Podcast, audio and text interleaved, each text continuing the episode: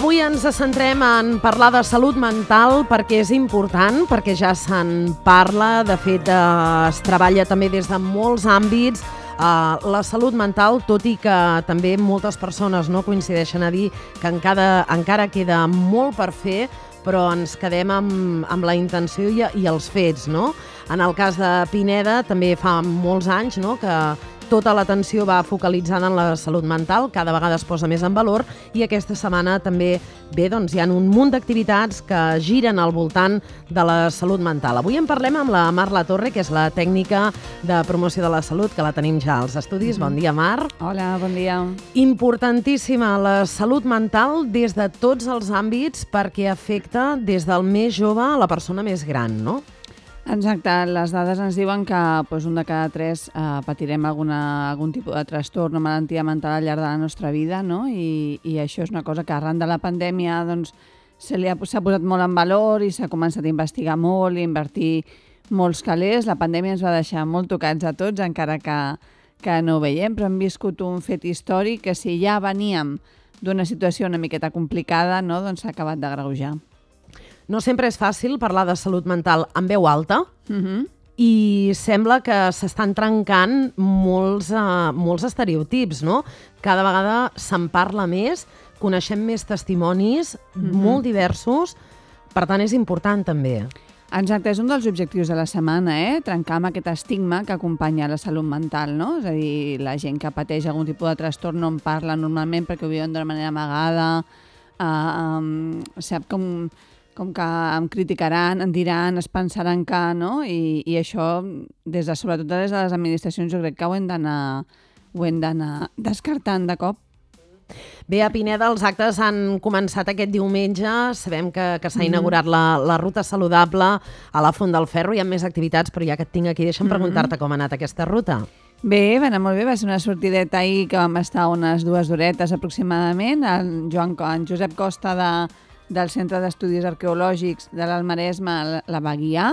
Ens va estar explicant curiositats del paisatge, de, històriques de la nostra vila i superinteressant.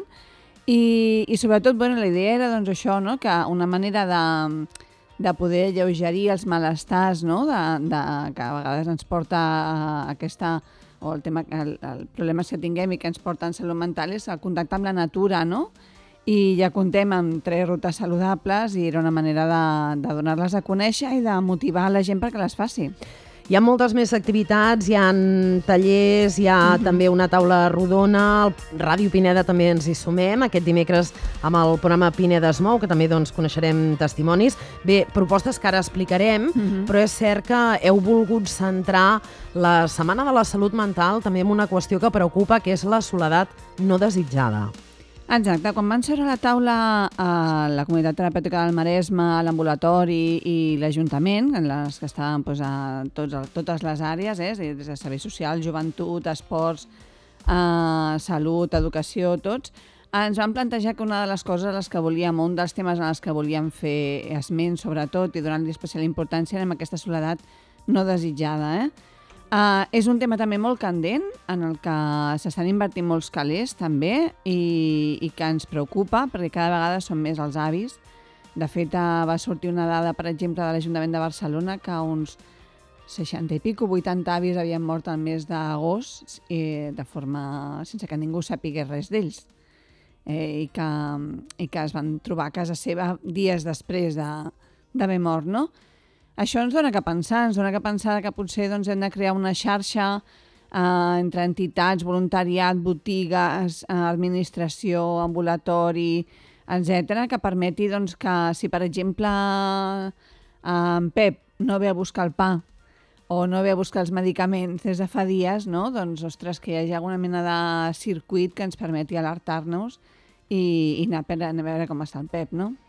Toni Palacios ens ho explicava molt bé ara fa uns mm -hmm. dies també a través Exacte. del programa Nexes, que m'imagino que tot va, va lligat, tot eh, va, va donat de la mà, sí, que era sí. justament eh, aqu aquestes alertes que tu comentaves, el cercle o, o l'entorn més proper de les persones mm -hmm. grans que es mouen al petit comerç, com van a buscar el pa, l'exemple que tu posaves, mm -hmm. com van a la farmàcia a buscar medicament, no? o, o fins i tot a, a l'ambulatori, que també fan aquesta Exacte. prescripció social que tot això també ajuda no? per, uh -huh. per alertar d'aquestes situacions. Sempre val més prevenir. Exacte, i una altra cosa és anar a buscar aquests avis que no surten de casa, no? i intentar que es tornin a vincular amb aquesta comunitat. A les mesures que ells puguin, evidentment, eh? no, no parlem de que hagin ara a posar-se a ballar si no poden... Però, però sí, doncs això, no? intentar que trobin vincular-los d'alguna manera perquè tornin a trobar aquesta il·lusió per sortir i per connectar amb gent, per socialitzar, etc. Marc, comentàvem la, la, la soledat no volguda afecta, de fet, principalment a les persones grans, però també és cert que pot afectar més persones. Hi ha un col·lectiu també realment vulnerable, mm. com són els joves i els adolescents. Exacte. De fet, una de les representants de la, una de les participants de la taula rodona de dimecres Uh, eh, ens, ens parlarà d'aquest fenomen que és conegut per tots com el hikikomori, no? Són aquests joves adolescents que no surten de casa i que ens comentava l'educador del CESMA que cada vegada s'estan donant més aquí al nostre país. Eh? És no és un fet aïllant que passa només a, al Japó a, o a, a zones asiàtiques, i sí, sinó que cada vegada més al nostre país s'està donant més. Bé, uh, moltes activitats que de fet començaven ahir amb la inauguració d'aquesta ruta saludable a la Font mm -hmm. del mhm. Ferro, avui dilluns i de fet durant tota la setmana també hi ha moltes propostes. Uh, avui hi ha aquest taller d'higiene de la son i relaxació. Mm -hmm. Bé, fem una mica de radiografia a mar de, de totes aquestes activitats. Hi han exposicions també a la biblioteca, a més a més també amb, amb espais creatius, Uh, posant paraules també a la salut mental amb aquesta lectura de poemes de, de rapsodes d'aquí al municipi. Bé, mo moltes coses. Què, què en podem destacar? Bueno, a mi m'agraden totes eh, les activitats, i no te'n podré destacar una més que l'altra.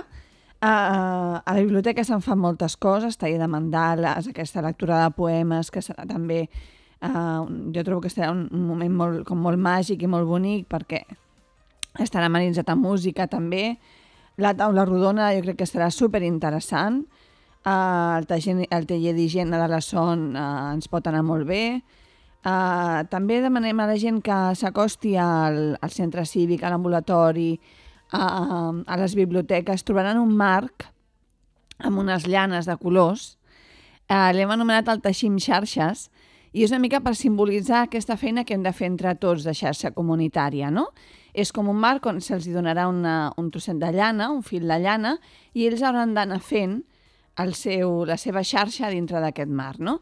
Al final quedarà tot una, un dibuix en l'interior d'aquest marc amb llanes de colors i és una mica el símbol d'aquesta xarxa comunitària que hem de crear entre tots.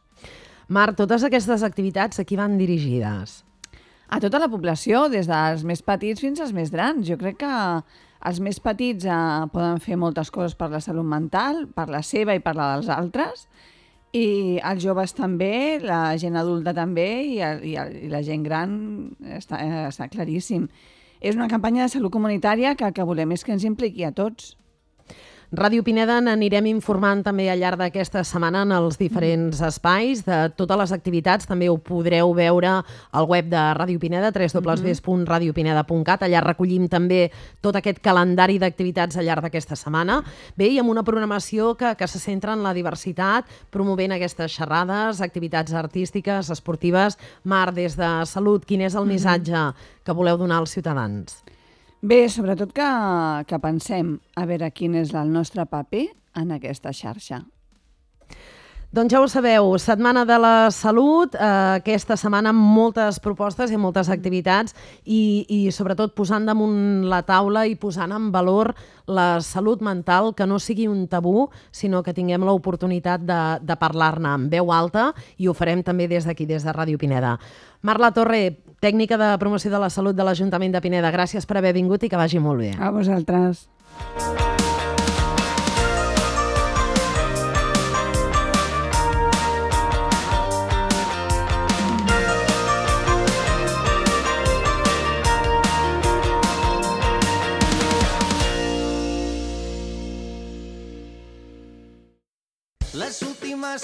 Pàgines d'un llibre sentir la pluja sobre la pell i veure com